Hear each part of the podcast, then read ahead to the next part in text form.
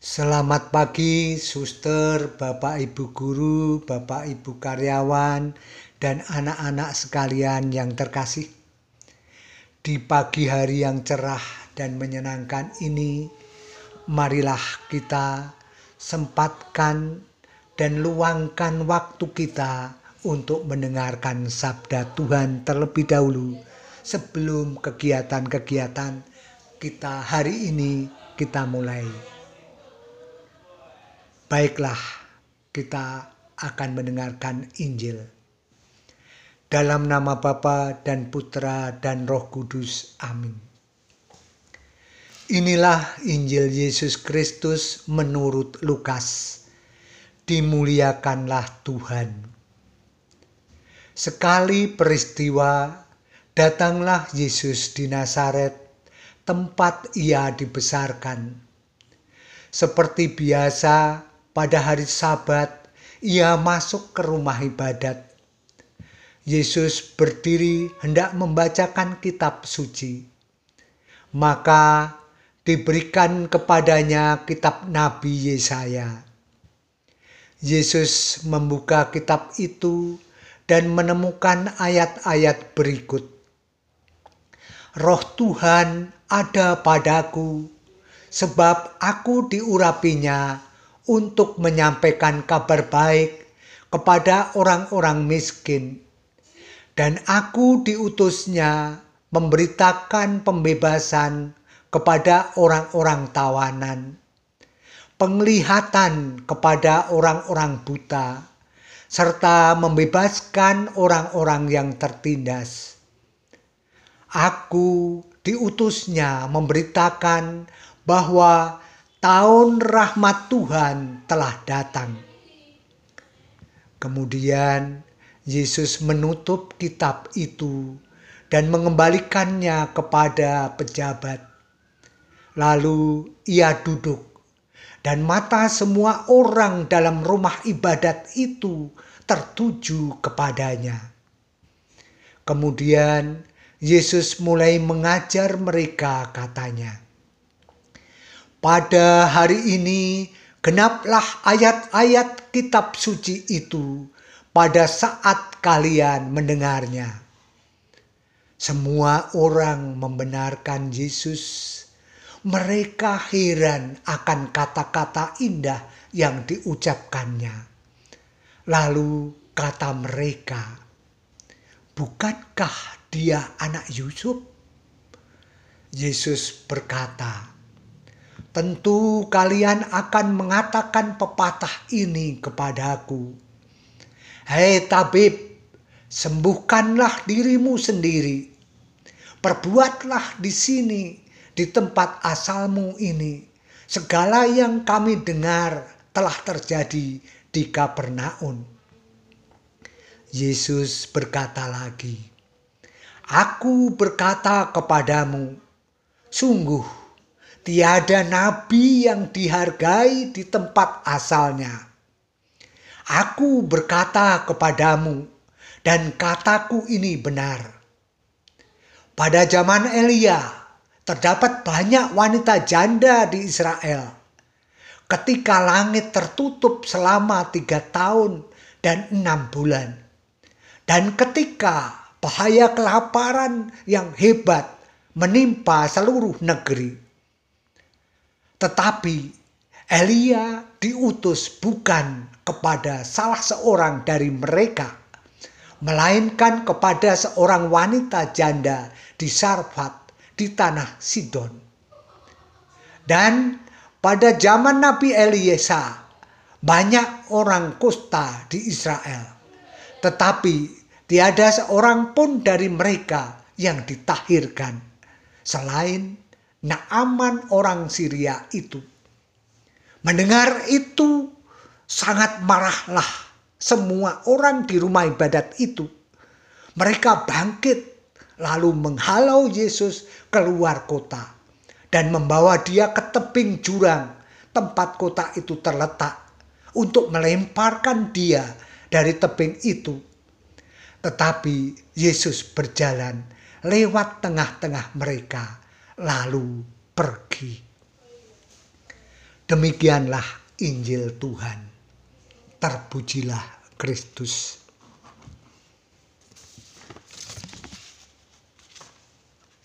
Aku diutus untuk memberitakan tahun rahmat Tuhan telah datang. Suster, Bapak, Ibu, guru, dan anak-anak yang terkasih. Apa maksud dari tahun rahmat Tuhan telah datang? Rahmat Tuhan adalah karunia, kebaikan-kebaikan yang ingin diberikan, yang ingin dicurahkan oleh Tuhan kepada umat manusia. Yesus adalah rahmat itu sendiri.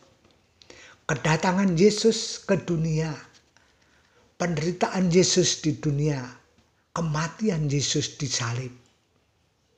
Adalah untuk menyelamatkan manusia. Yesus pernah bersabda, "Akulah jalan, kebenaran, dan hidup." Suster, Bapak, Ibu, dan anak-anak yang terkasih, kalau Yesus itu adalah rahmat itu sendiri yang yang menyelamatkan manusia, yang menunjukkan kebaikan Tuhan untuk keselamatan kita. Yesus pasti bisa kita andalkan untuk kehidupan kita. Kasih karunia yang sangat besar itu ingin Tuhan curahkan secara habis-habisan untuk umat manusia. Namun demikian tidak semua manusia bisa menerima rahmat itu. Mengapa? Karena rahmat Tuhan hanya bisa diterima oleh orang yang rendah hati dan oleh orang yang mempunyai sikap hati terbuka. Seperti orang miskin, seperti orang yang menderita karena kebutaan, seperti orang yang menderita karena penawanan. Dalam Injil hari ini kita dipertontonkan sikap yang sebaliknya sikap sombong, tinggi hati orang-orang Nazaret yang melihat Yesus besar di kotanya. Kalimat siapa dia? Bukankah dia anak Yusuf? Kalimat ini menunjukkan sikap sombong, sikap tinggi hati, sikap suka menilai orang lain lebih rendah Nah, sikap sombong, sikap tinggi hati, inilah yang membuat rahmat Tuhan tidak bisa masuk pada orang yang tidak terbuka. Karena sombongnya menjadi tidak terbuka hatinya. Hal itu bisa terjadi pada kita. Kalau kita setiap hari membangun sikap sombong dengan teman, dengan hidup kita sehari-hari. Maka demikian juga rahmat Tuhan tidak akan bisa kita terima. Oleh karena itu, suster, bapak, ibu guru, bapak, ibu karyawan, dan anak-anak yang terkasih, mari dalam hidup kita sehari-hari kita tunjukkan dan kita buat latihan untuk senantiasa berbuat rendah hati bersikap terbuka terhadap orang lain. Karena keterbukaan, kerendahan hati, itulah yang membuat rahmat Tuhan bisa masuk dalam diri kita. Orang yang rendah hati akan bisa menerima bahwa Yesus adalah Tuhan yang menyelamatkan, yang merupakan jalan, kebenaran, dan hidup yang bisa kita andalkan. Demikian renungan kita pada pagi hari ini.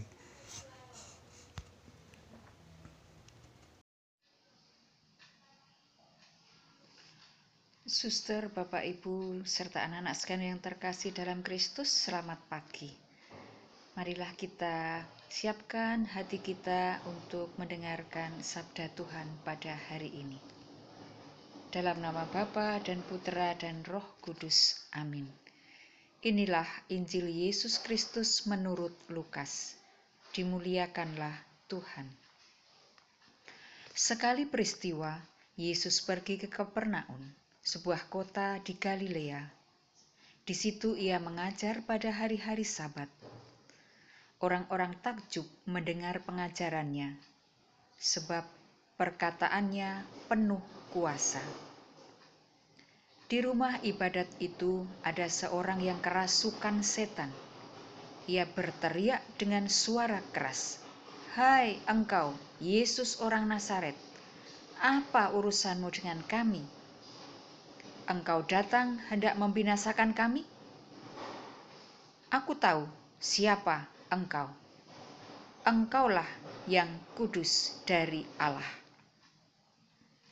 Tetapi Yesus menghardik dia, katanya, "Diam, keluarlah daripadanya." Maka setan menghempaskan orang itu ke tengah orang-orang banyak, lalu keluar daripadanya dan sama sekali tidak menyakitinya. Semua orang takjub dan berkata satu sama lain, "Alangkah hebatnya perkataan ini!"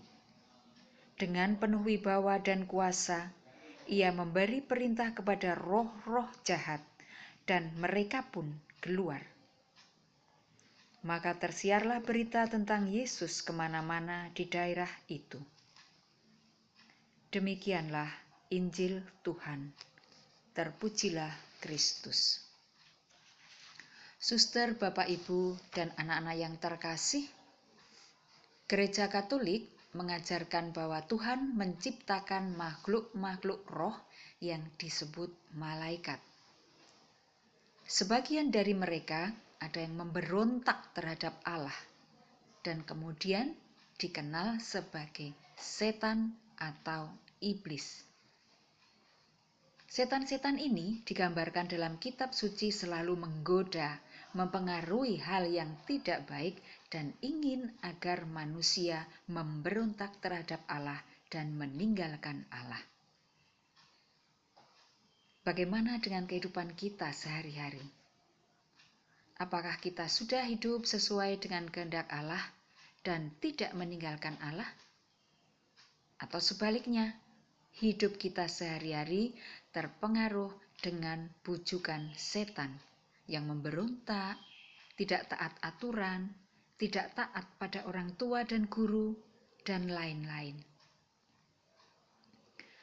Setan saja mengakui kekuasaan Allah. Maka kita manusia berusaha supaya selalu menghadirkan Allah dalam kehidupan kita sehari-hari. Marilah kita bersama-sama belajar hidup tidak seturut dengan kehendak setan, tetapi hidup seturut dengan kehendak Allah. Amin. Dalam nama Bapa dan Putra dan Roh Kudus. Amin. Selamat pagi, suster, Bapak, Ibu, dan anak-anak yang dikasihi Tuhan. Marilah kita siapkan hati kita untuk mendengarkan sabda Tuhan sebelum kita melanjutkan aktivitas kita hari ini. Inilah Injil Yesus menurut Lukas bab 4 ayat 38 sampai dengan ayat 44. Dimuliakanlah Tuhan. Setelah meninggalkan rumah ibadat di Kapernaum, Yesus pergi ke rumah Simon. Adapun ibu mertua Simon demam keras dan mereka meminta kepada Yesus supaya menolong dia. Maka ia berdiri di sisi perempuan itu, lalu menghardik demam itu, dan penyakit itu pun meninggalkan dia. Perempuan itu segera bangun dan melayani mereka. Ketika matahari terbenam, semua orang membawa kepadanya orang-orang sakitnya yang menderita bermacam-macam penyakit. Ia pun meletakkan tangannya atas mereka masing-masing dan menyembuhkan mereka. Dari banyak orang keluar juga setan-setan sambil berteriak, "Engkau adalah Anak Allah!" Lalu ia dengan keras melarang mereka dan tidak memperbolehkan mereka berbicara, karena mereka tahu bahwa ia adalah Mesias. Ketika hari siang, Yesus berangkat dan pergi ke suatu tempat yang sunyi. Tetapi orang banyak mencari Dia, lalu menemukannya dan berusaha menahan Dia supaya jangan meninggalkan mereka. Tetapi Ia berkata kepada mereka, "Juga di kota-kota lain, Aku harus memberitakan Injil Kerajaan Allah, sebab untuk itulah aku diutus. Dan ia memberitakan Injil dalam rumah-rumah ibadat di Yudea. Demikianlah sabda Tuhan. Terpujilah Kristus. Datar bagai lantai papan, licin bagai dinding cermin. Pepatah ini berarti orang yang bertindak bijaksana dalam memutuskan suatu perkara. Dalam bacaan Injil hari ini, Tuhan Yesus telah mengingatkan kepada kita agar kita bertindak bijaksana dan tidak membatasi diri dalam pelayanan. Selain mewartakan kerajaan Allah, Tuhan Yesus juga selalu berbuat baik, terutama kepada mereka yang sakit dan menderita. Ia telah menyembuhkan banyak orang tanpa memandang status dan asalnya. Tuhan Yesus sangat bijaksana dalam pelayanannya. Ia tidak mau terikat pada orang atau tempat tertentu karena kebebasan dalam bermisi mutlak perlu supaya kita tidak terjebak dalam sikap pilih kasih. Kita pun bisa melayani siapa saja dan di mana saja, baik itu di rumah, di sekolah, di tempat kerja, maupun di lingkungan serta dalam bentuk apa saja yang kita mampu, mungkin dalam bidang ilmu pengetahuan, materi, maupun jasa. Mari kita bebas melayani. Amin.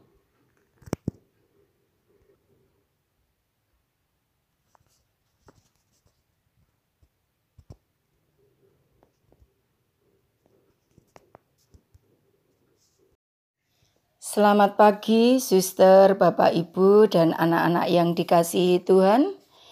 Marilah kita siapkan hati kita untuk mendengarkan sabda Tuhan sebelum kita melanjutkan aktivitas kita hari ini. Inilah Injil Yesus menurut Lukas bab 4 ayat 38 sampai dengan ayat 44 dimuliakanlah Tuhan. Setelah meninggalkan rumah ibadat di Kapernaum, Yesus pergi ke rumah Simon. Adapun ibu mertua Simon demam keras dan mereka meminta kepada Yesus supaya menolong dia.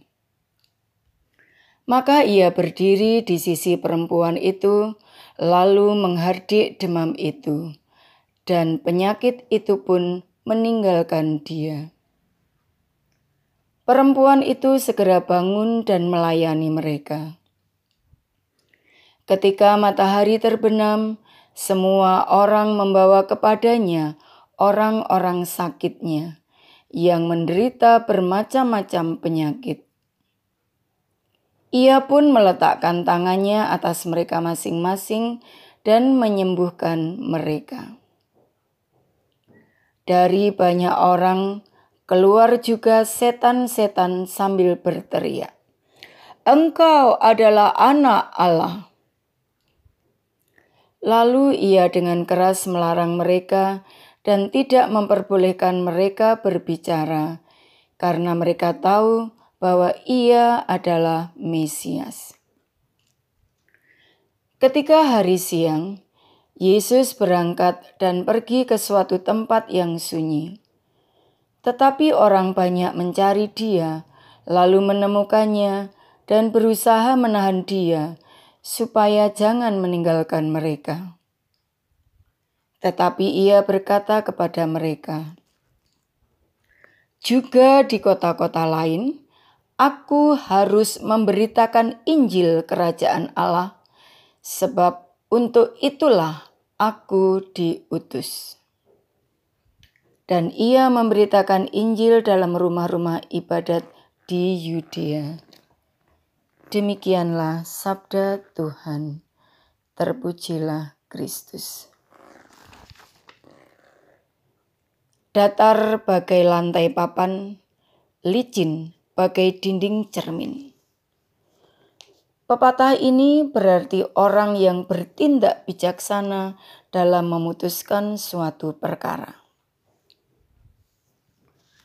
Dalam bacaan Injil hari ini, Tuhan Yesus telah mengingatkan kepada kita agar kita bertindak bijaksana dan tidak membatasi diri dalam pelayanan. Selain mewartakan kerajaan Allah, Tuhan Yesus juga selalu berbuat baik, terutama kepada mereka yang sakit dan menderita. Ia telah menyembuhkan banyak orang tanpa memandang status dan asalnya. Tuhan Yesus sangat bijaksana dalam pelayanannya. Ia tidak mau terikat pada orang atau tempat tertentu. Karena kebebasan dalam bermisi mutlak perlu supaya kita tidak terjebak dalam sikap pilih kasih. Kita pun bisa melayani siapa saja dan di mana saja, baik itu di rumah, di sekolah, di tempat kerja, maupun di lingkungan. Serta dalam bentuk apa saja yang kita mampu, mungkin dalam bidang ilmu pengetahuan, materi, maupun jasa. Mari kita bebas melayani. Amin.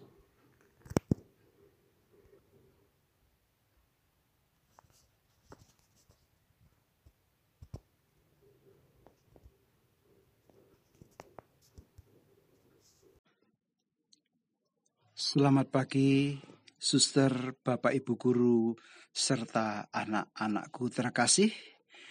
Marilah pada pagi hari ini kita mendengarkan sabda Tuhan. Inilah Injil Yesus Kristus menurut Lukas. Dimuliakanlah Tuhan. Pada suatu ketika Yesus berdiri di pantai danau Ganesaret. Orang banyak mengurumi dia, hendak mendengarkan sabda Allah. Yesus melihat dua buah perahu di tepi pantai. Nelayan-nelayannya telah turun dan sedang membasuh jalannya. Ia naik ke dalam salah satu perahu itu, yaitu perahu Simon dan menyuruh dia supaya menolakkan perahu itu sedikit jauh dari pantai. Lalu Yesus duduk dan mengajar orang banyak dari atas perahu. Selesai berbicara, ia berkata kepada Simon, "Bertolaklah ke tempat yang dalam dan tebarkanlah jalamu untuk menangkap ikan." Simon menjawab, Guru, sepanjang malam kami bekerja keras dan kami tidak menangkap apa-apa. Tetapi atas perintahmu, aku akan menebarkan jala juga.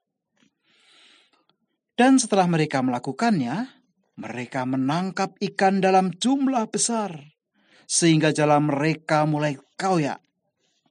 Lalu mereka memberi isyarat kepada teman-temannya di perahu yang lain, supaya mereka datang membantu. Maka mereka pun datang lalu mengisi kedua perahu itu dengan ikan hingga hampir tenggelam. Melihat hal itu, Simon tersungkur di depan Yesus dan berkata, "Tuhan, tinggalkanlah aku, karena aku ini orang berdosa." Sebab Simon dan teman-temannya takjub karena banyaknya ikan yang mereka tangkap. Demikian juga Yakobus dan Yohanes, anak-anak Zebedeus yang menjadi teman Simon. Yesus lalu berkata kepada Simon, "Jangan takut, mulai sekarang engkau akan menjala manusia." Dan sesudah menghela perahu-perahunya ke darat, mereka lalu meninggalkan segala sesuatu dan mengikuti Yesus. Demikianlah Injil Tuhan. Terpujilah Kristus. Suster, Bapak Ibu guru serta anak-anak terkasih, pada bacaan ini kita sekali lagi diingatkan bahwa diri kita, idealisme setiap orang adalah takwa dalam iman luas dalam wawasan, rukun dalam bermasyarakat, sehat dalam hidup, dan terberkati dalam setiap pekerjaan. Inilah salah satu yang mau diraih dengan seruan yang disampaikan Yesus dalam bacaan tadi, bertolaklah ke tempat yang dalam. Sudah saatnya kita harus bersikap dan memiliki keberanian untuk berbuat lebih dari apa yang sudah kita lakukan. Allah memilih dan mengutus kita sebagai guru, sebagai siswa, sebagai kepala rumah tangga, atau siapa pun, bukan untuk tugas yang mudah, tetapi khusus, yaitu menjala manusia. Tanpa keyakinan akan muncul yang namanya kekecewaan.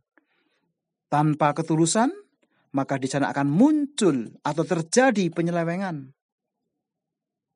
Maukah kita dituntun lebih jauh dalam iman untuk rela dalam berkorban? Inilah pertanyaan yang semakin menguatkan kita. Amin.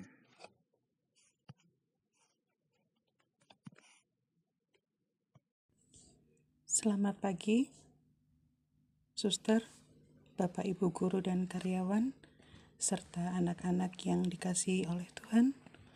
Sebelum mengawali kegiatan pada hari ini, marilah kita mendengarkan sabda Tuhan terlebih dahulu. Dalam nama Bapa dan Putra dan Roh Kudus. Amin. Ya Yesus yang baik, bukalah hati kami, telinga kami, dan pikiran kami untuk mendengarkan sabdamu. Inilah Injil Yesus Kristus menurut Lukas. Dimuliakanlah Tuhan. Sekali peristiwa, orang-orang Farisi dan ahli-ahli Taurat berkata kepada Yesus, "Murid-murid Yohanes sering berpuasa dan sembahyang." demikian pula murid-murid orang Farisi. Tetapi murid-muridmu makan dan minum. Yesus menjawab, Dapatkah sahabat mempelai disuruh berpuasa selagi mempelai itu bersama mereka? Tetapi akan datang waktunya mempelai diambil dari mereka. Pada waktu itulah mereka akan berpuasa. Yesus mengatakan juga suatu perumpamaan kepada mereka. Tiada seorang pun mengoyakkan secari kain dari baju yang baru untuk ditambalkan pada baju yang tua. Sebab jika demikian, yang baru itu pun akan koyak. apalagi kain penambal yang dikoyakkan dari baju baru tidak akan cocok pada baju yang tua. Demikian juga, tiada seorang pun mengisi anggur baru ke dalam kantong kulit yang tua. Sebab jika demikian, anggur baru itu akan mengkoyakkan kantong tua itu, lalu anggur akan terbuang dan kantong itu pun hancur. Tetapi anggur baru harus disimpan dalam kantong yang baru pula. Dan tiada seorang pun yang telah minum anggur tua ingin minum anggur yang baru, sebab dia akan berkata, "Anggur yang tua lebih baik." Demikianlah Injil Tuhan. Terpujilah Kristus. Anggur baru harus disimpan dalam kantong yang baru pula. Suster, Bapak, Ibu, dan anak-anak sekalian, menghakimi bukanlah panggilan hidup seorang Kristiani, dan menghakimi tidak pernah menjadi jaminan bahwa kita adalah benar. Menjadi murid yang setia dan rendah hati pasti menjamin bahwa kita tetap akan bersama Yesus dan sampai pada jalan kesempurnaan. Selalu sadar siapa diri kita, di mana kita, dan untuk apa kita ada akan menciptakan sikap yang tepat. Kita akan menjadi anggur tua yang lebih baik. Murid muda akan menuju kedewasaan dan pribadi yang tidak mudah terprovokasi untuk merusak.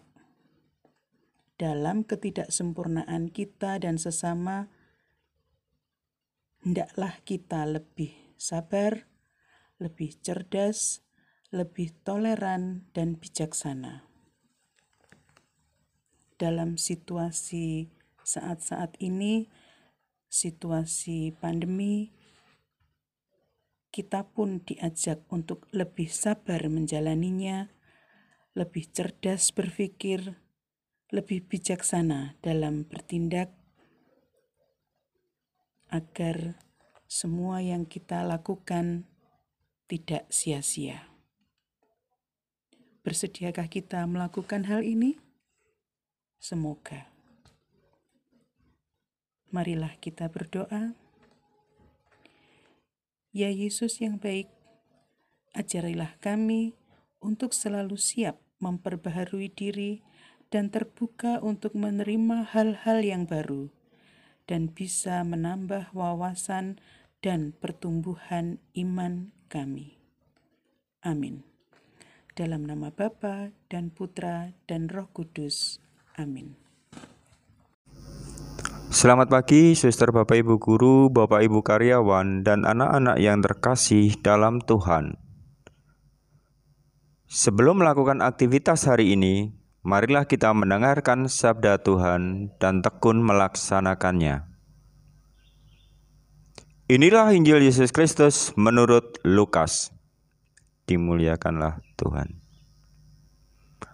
Pada suatu hari Sabat lain, Yesus masuk ke rumah ibadat, lalu mengajar. Di situ ada seorang yang mati tangan kanannya. Ahli-ahli Taurat dan orang-orang Farisi mengamat-ngamati Yesus. Kalau-kalau ia menyembuhkan orang pada hari Sabat, supaya mereka dapat alasan untuk mempersalahkan dia.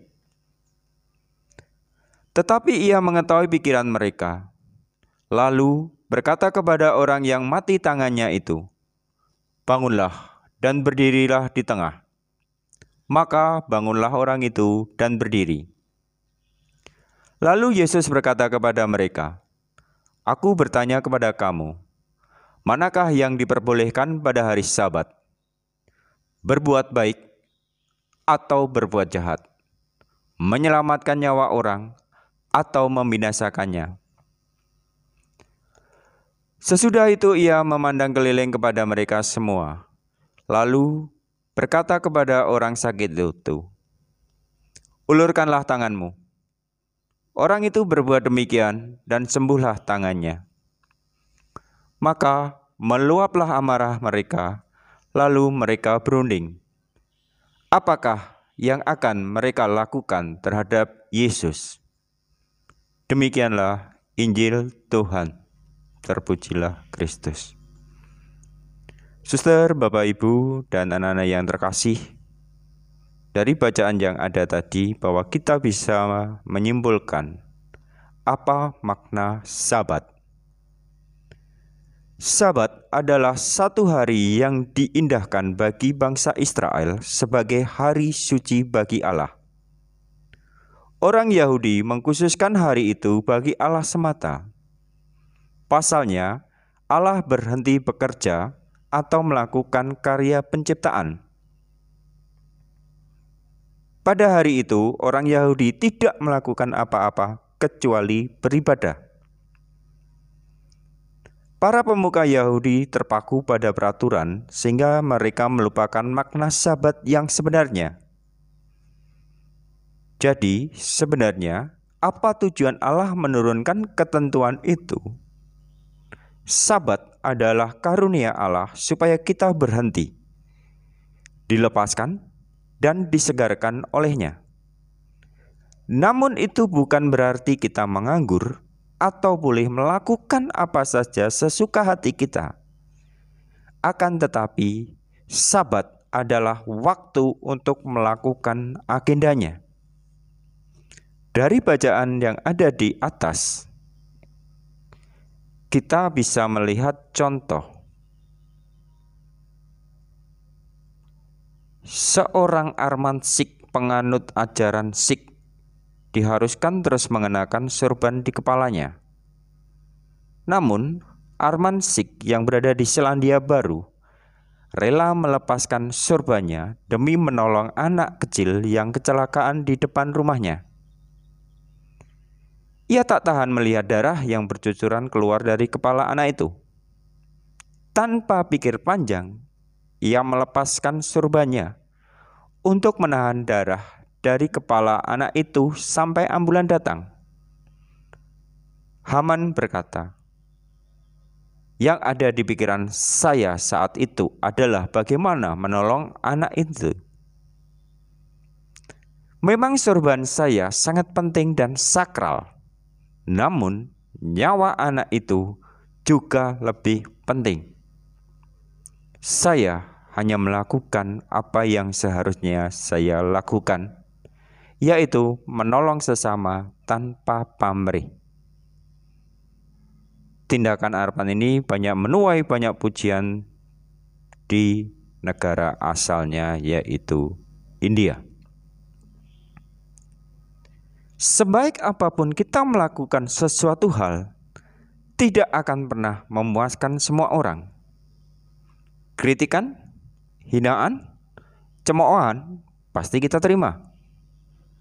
Menghadapi kritikan, hinaan, cemoohan, orang dapat berkata bahwa itu bagus karena menolong kita memperbaiki diri menjadi jauh lebih baik. Akan tetapi, pada dasarnya manusia tidak suka dikritik, apalagi kritikan yang tidak membangun kritikan yang mencela, yang menghina, dan yang menjatuhkan.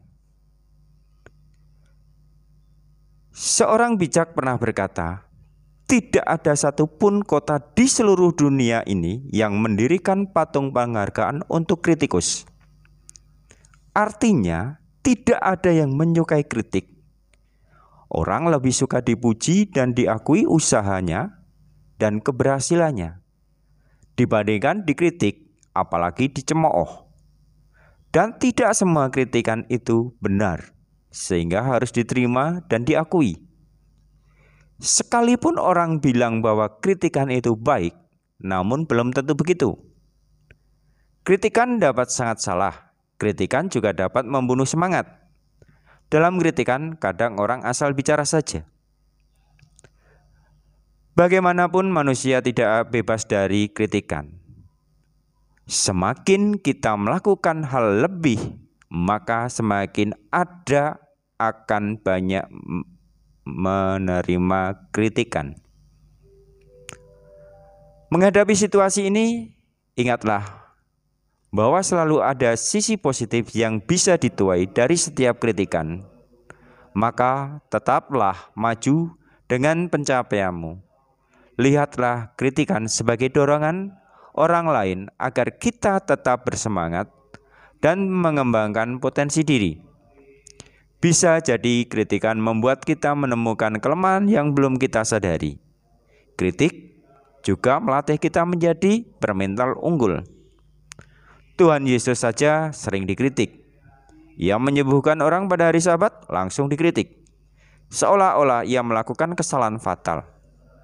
Sikap Yesus dalam menghadapi kritikan dan cemooh memberikan pelajaran bagi kita untuk melatih mental dan menggunakan kritik sebagai pemacu untuk meraih kesuksesan. Jadi, bukan menjauhi kritikan, tetapi gunakan untuk membangun diri. Tetaplah bersemangat menghadapi apa pun juga, termasuk kritikan dan cemoohan. Tuhan memberkati. Selamat pagi suster, Bapak Ibu serta anak-anak yang terkasih di dalam Tuhan kita Yesus Kristus. Marilah kita mengawali kegiatan belajar mengajar kita pada hari ini dengan mendengarkan sabda Tuhan. Inilah Injil Tuhan kita Yesus Kristus menurut Santo Matius. Dimuliakanlah Tuhan. Matius bab 1 ayat 18 sampai dengan 23. Kelahiran Yesus Kristus adalah seperti berikut. Pada waktu Maria ibunya bertunangan dengan Yusuf, ternyata ia mengandung dari Roh Kudus sebelum mereka hidup sebagai suami istri. Karena Yusuf suaminya seorang yang tulus hati dan tidak mau mencemarkan nama istrinya di muka umum, ia bermaksud menceraikannya dengan diam-diam. Tetapi ketika ia mempertimbangkan maksud itu, malaikat Tuhan nampak kepadanya dalam mimpi dan berkata, "Yusuf, anak Daud, janganlah engkau takut mengambil Maria sebagai istrimu." Sebab anak yang di dalam kandungannya adalah dari Roh Kudus ia akan melahirkan anak laki-laki, dan engkau akan menamakan dia Yesus, karena dialah yang akan menyelamatkan umatnya dari dosa mereka. Hal itu terjadi supaya genaplah yang difirmankan Tuhan oleh Nabi. Sesungguhnya anak darah itu akan mengandung dan melahirkan seorang anak laki-laki, dan mereka akan menamakan dia Immanuel yang berarti Allah menyertai kita. Demikianlah sabda Tuhan. Syukur kepada Allah. Perawan hamil. Nah, ini bacaan hari ini. Seorang gadis hamil pada zaman ini dianggap biasa tetapi di zaman Maria, hal itu suatu aib besar yang dituntut dengan hukuman mati. Bisa kita lihat pada kitab ulangan bab 22 ayat 23 dan ayat 34. Kebudayaan Yahudi mengenal tiga tahap perkawinan. Pertama, kedua pihak keluarga setuju.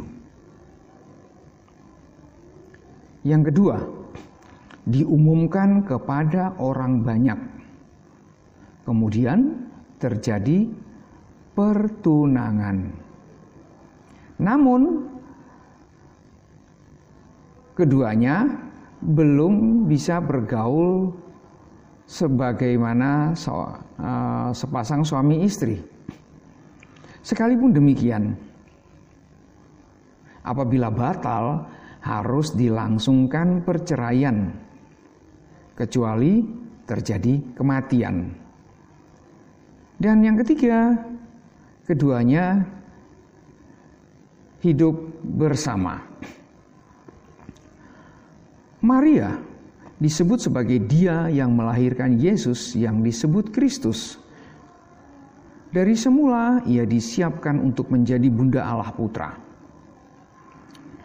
Allah Bapa mempersiapkan dia untuk mengandung Sang Allah Putra sehingga penebusan manusia dapat terjadi. Maria pun mengamini kehendak Allah itu. Sehingga karya penebusan sungguh terjadi. Itulah pesan sentral Maria dalam karya penebusan manusia. Yesus sebagai manusia Allah dilahirkan dari perawan Maria. Menjadi sangat penting bagi iman Kristen. Yesus anak Allah maka ia bebas dari kodrat manusia yang berdosa yang diwariskan oleh Adam. Karena dilahirkan Maria, Yesus sungguh manusia. Namun bukan hasil hubungan suami istri. Itu yang perlu diketahui. Yesus manusia yang tidak dicemari dosa sedikit pun. Karena keberadaannya itulah dia dapat memahami pencobaan yang kita derita dan pengalaman manusiawi kita tanpa harus ikut berdosa.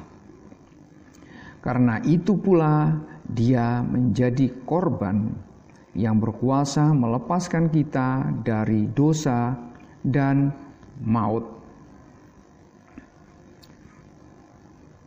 Yang perlu kita renungkan di sini adalah apabila Sang Pencipta sendiri rela menjadi ciptaan,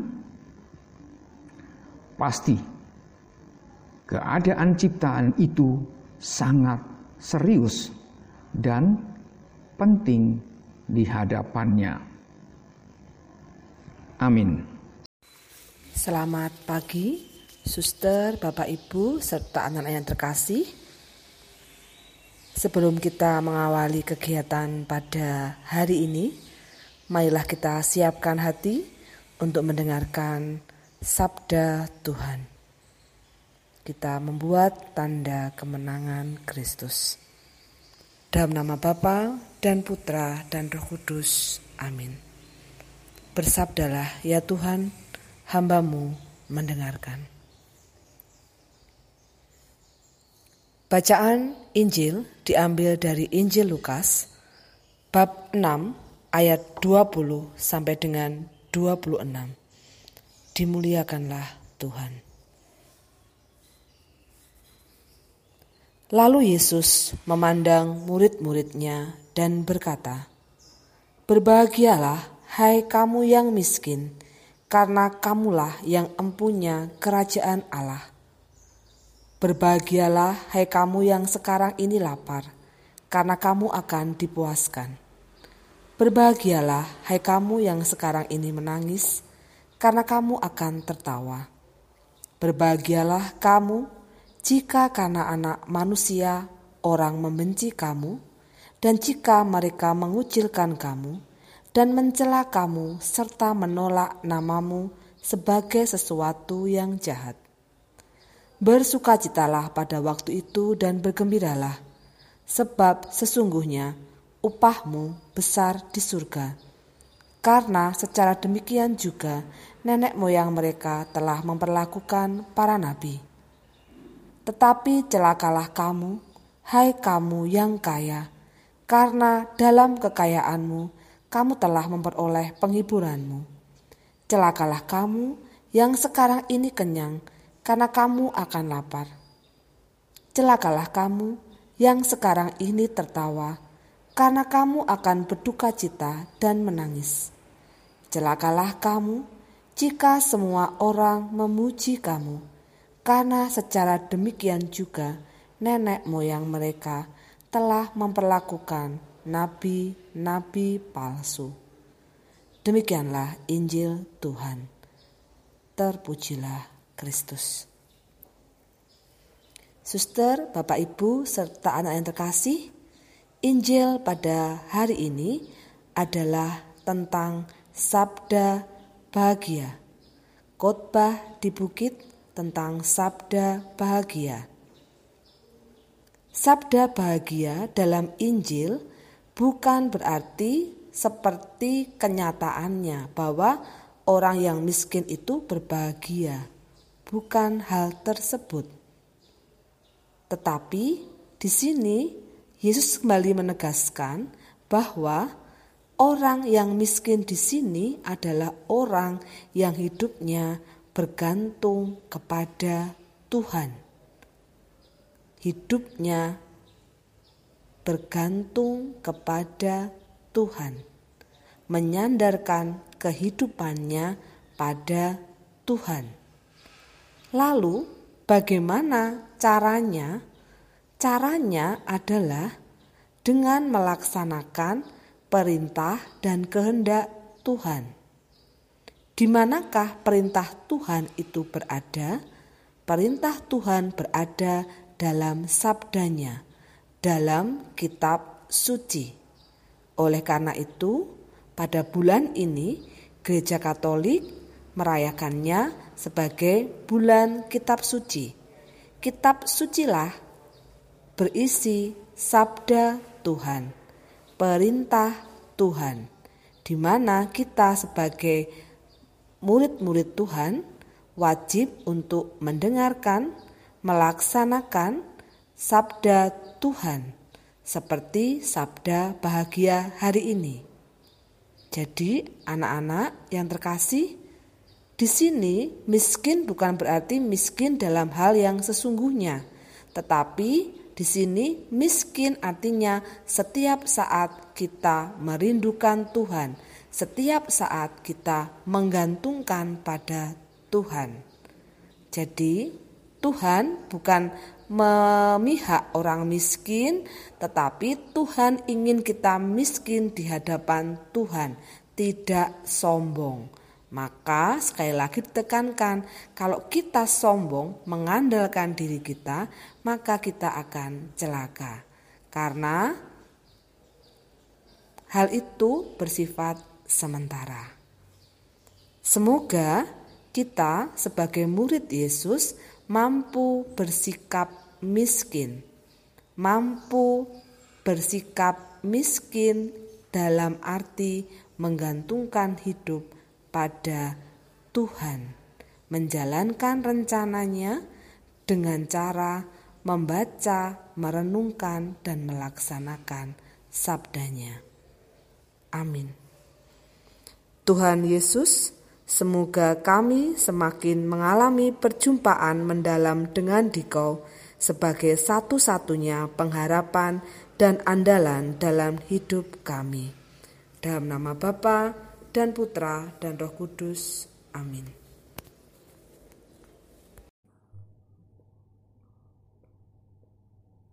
Selamat pagi, suster, Bapak Ibu guru, karyawan, serta anak-anak yang terkasih. Mari kita menyiapkan hati dan pikiran untuk mendengarkan firman Tuhan. Demi nama Bapa, Putra, dan Roh Kudus. Amin. Inilah Injil Yesus Kristus menurut Lukas. Dimuliakanlah Tuhan. Yesus bersabda kepada murid-muridnya, Dengarkanlah perkataanku ini. Kasihilah musuhmu. Berbuat baik kepada orang yang membenci kalian. Mintalah berkat bagi mereka yang mengutuk kalian. Berdoalah bagi orang yang mencaci kalian. Bila orang menampar pipimu yang satu, berikanlah pipimu yang lain. Bila orang mengambil jubahmu, biarkan juga ia mengambil bajumu. Berilah kepada setiap orang yang meminta kepadamu, dan janganlah meminta kembali dari orang yang mengambil kepunyaanmu. Dan sebagaimana kalian kehendaki orang berbuat kepada kalian, demikian pula hendaknya kalian berbuat kepada mereka Kalau kalian mengasihi orang yang mengasihi kalian, apakah jasamu? Orang-orang berdosa pun berbuat demikian. Sebab jikalau kamu berbuat baik kepada orang yang berbuat baik kepadamu, apakah jasamu? Orang-orang berdosa pun berbuat demikian.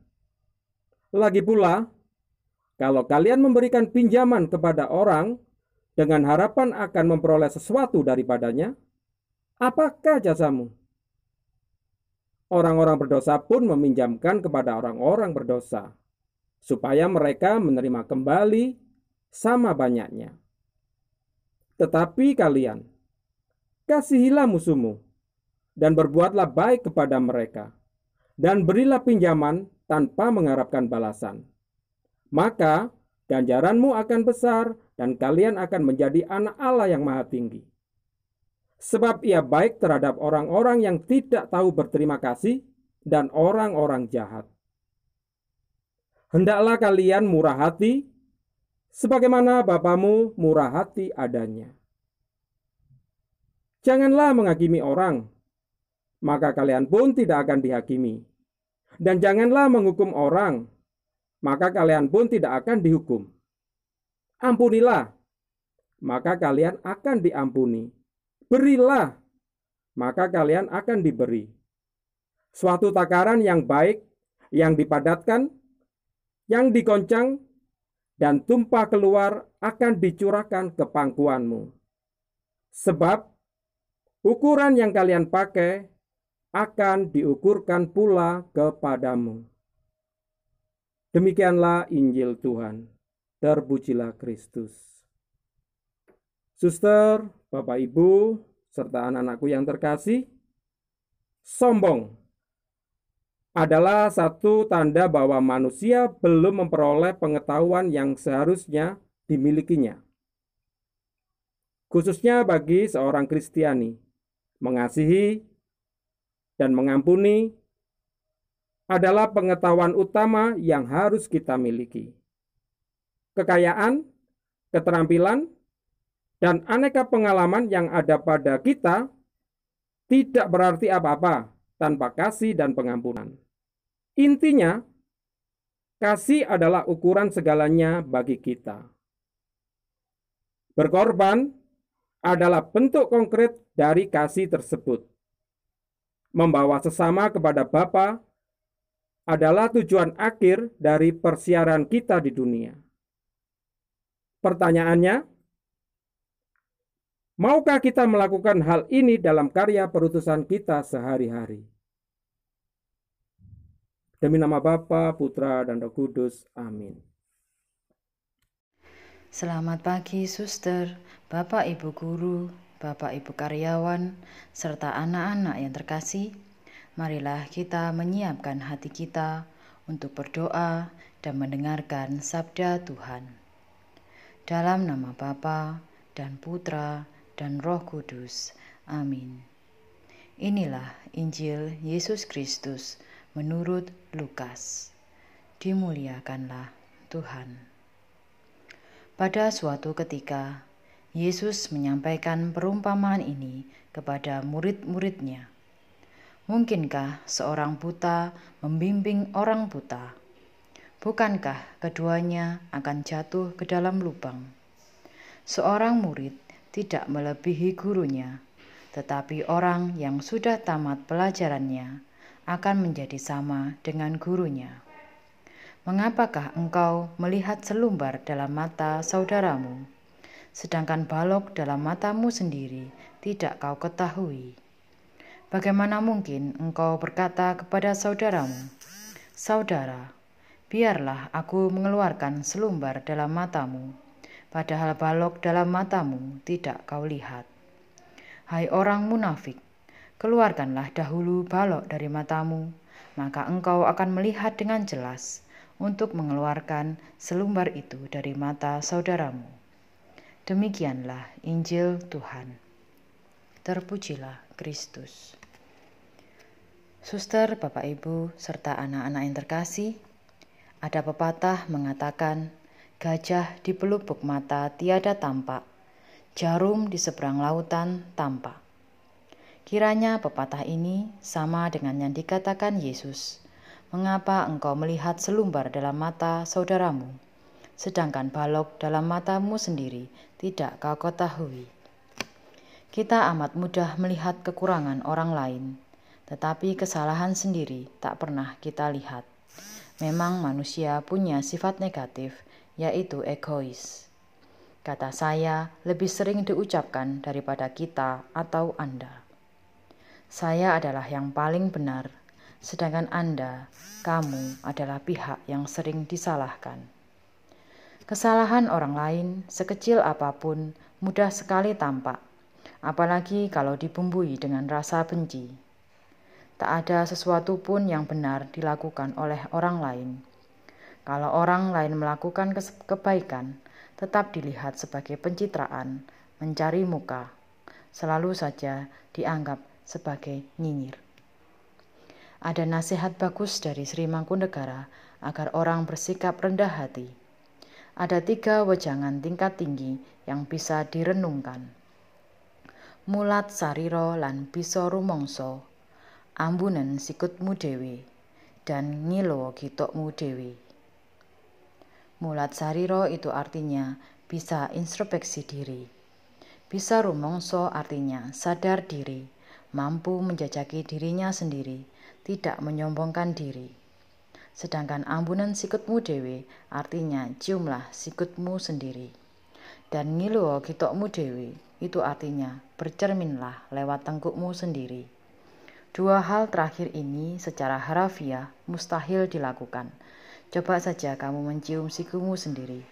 Pasti sulit, susah, atau bahkan tidak bisa. Maksud yang terkandung di dalamnya adalah melihat kesalahan sendiri itu sulit, lebih mudah melihat kesalahan orang lain. Yesus menasihatkan kita agar mengeluarkan lebih dahulu balok di mata kita, baru kemudian akan jelas selumbar di mata orang lain. Begitu juga nasihat Sri Mangkunegara itu bertujuan mengajak orang untuk introspeksi diri lebih dahulu mulat sariro dan bisa rumongso, serta ngilo gito edewi. Itu artinya, lihatlah dirimu sendiri. Apakah tindakan dan sikapmu sudah benar? Jangan suka menyalahkan orang lain. Bercerminlah pada diri sendiri sebelum menilai orang lain. Sebagai refleksi hari ini, lebih baik memperbaiki sifat dan sikap hidup agar semakin berkenan bagi Tuhan daripada menghakimi orang lain. Marilah kita selalu bersandar kepada hikmat dan kebijaksanaan Tuhan. Amin. Dalam nama Bapa dan Putra dan Roh Kudus. Amin. Selamat pagi, suster, Bapak, Ibu, serta anak-anak yang dikasihi Tuhan. Marilah sebelum kita memulai seluruh aktivitas kita pada hari ini, kita mendengarkan sabda Tuhan. Dalam nama Bapa dan Putra dan Roh Kudus. Amin. Bersabdalah ya Tuhan, hambamu siap untuk mendengarkannya. Inilah Injil Yesus Kristus menurut Yohanes. Dimuliakanlah Tuhan. Dalam percakapannya dengan Nikodemus, Yesus berkata, "Tidak ada seorang pun yang telah naik ke surga selain Dia yang telah turun dari surga, yaitu Anak Manusia." Dan sama seperti Musa meninggikan ular di padang gurun, demikian juga anak manusia harus ditinggikan. Supaya setiap orang yang percaya kepadanya beroleh hidup yang kekal. Karena begitu besar kasih Allah akan dunia ini, sehingga ia telah mengaruniakan anaknya yang tunggal, supaya setiap orang yang percaya kepadanya tidak binasa melainkan beroleh hidup yang kekal. Sebab Allah mengutus anaknya ke dalam dunia, bukan untuk menghakimi dunia, melainkan untuk menyelamatkannya. Demikianlah Injil Tuhan. Terpujilah Kristus. Suster, Bapak, Ibu, serta anak-anak yang terkasih, tanda berupa garis vertikal yang bertemu pada satu titik dengan garis horizontal umum dijumpai di sekitar kita. Dalam ilmu matematika misalnya, tanda penjumlahan dan perkalian bentuknya seperti itu. Tanda salib di kalangan umat Kristiani juga berbentuk demikian. Tanda ini bagi kita memiliki makna khusus yang sangat mendalam, sebab mengacu pada sumber keselamatan kita, yakni Yesus yang tersalib. Makna khusus salib inilah yang hari ini diperingati oleh gereja. Salib adalah ungkapan kasih Allah kepada manusia ia mengasihi manusia dan tidak mau manusia terpisah darinya karena dosa. Kasih itu ia ungkapkan dengan cara yang sangat kreatif dan tak terduga, yakni dengan wafat di kayu salib. Inilah ungkapan kasih yang tertinggi. Allah yang mengasihi kita berkenan memberikan putranya yang tunggal kepada kita. Dengan ini, ia menegaskan bahwa ia hadir bukan untuk menghakimi, melainkan untuk menyelamatkan kita semua. Namun, mengapa harus melalui salib? Banyak di antara kita belum memahami ungkapan kasih Allah tersebut. Allah berkehendak untuk masuk ke dalam pergulatan hidup kita, agar kita mengerti makna terdalam dari kasih. Pilihan atas salib merupakan pilihan yang kreatif, out of the box, pilihan yang mengundang kita semua untuk mengingat dan menghayatinya secara terus-menerus.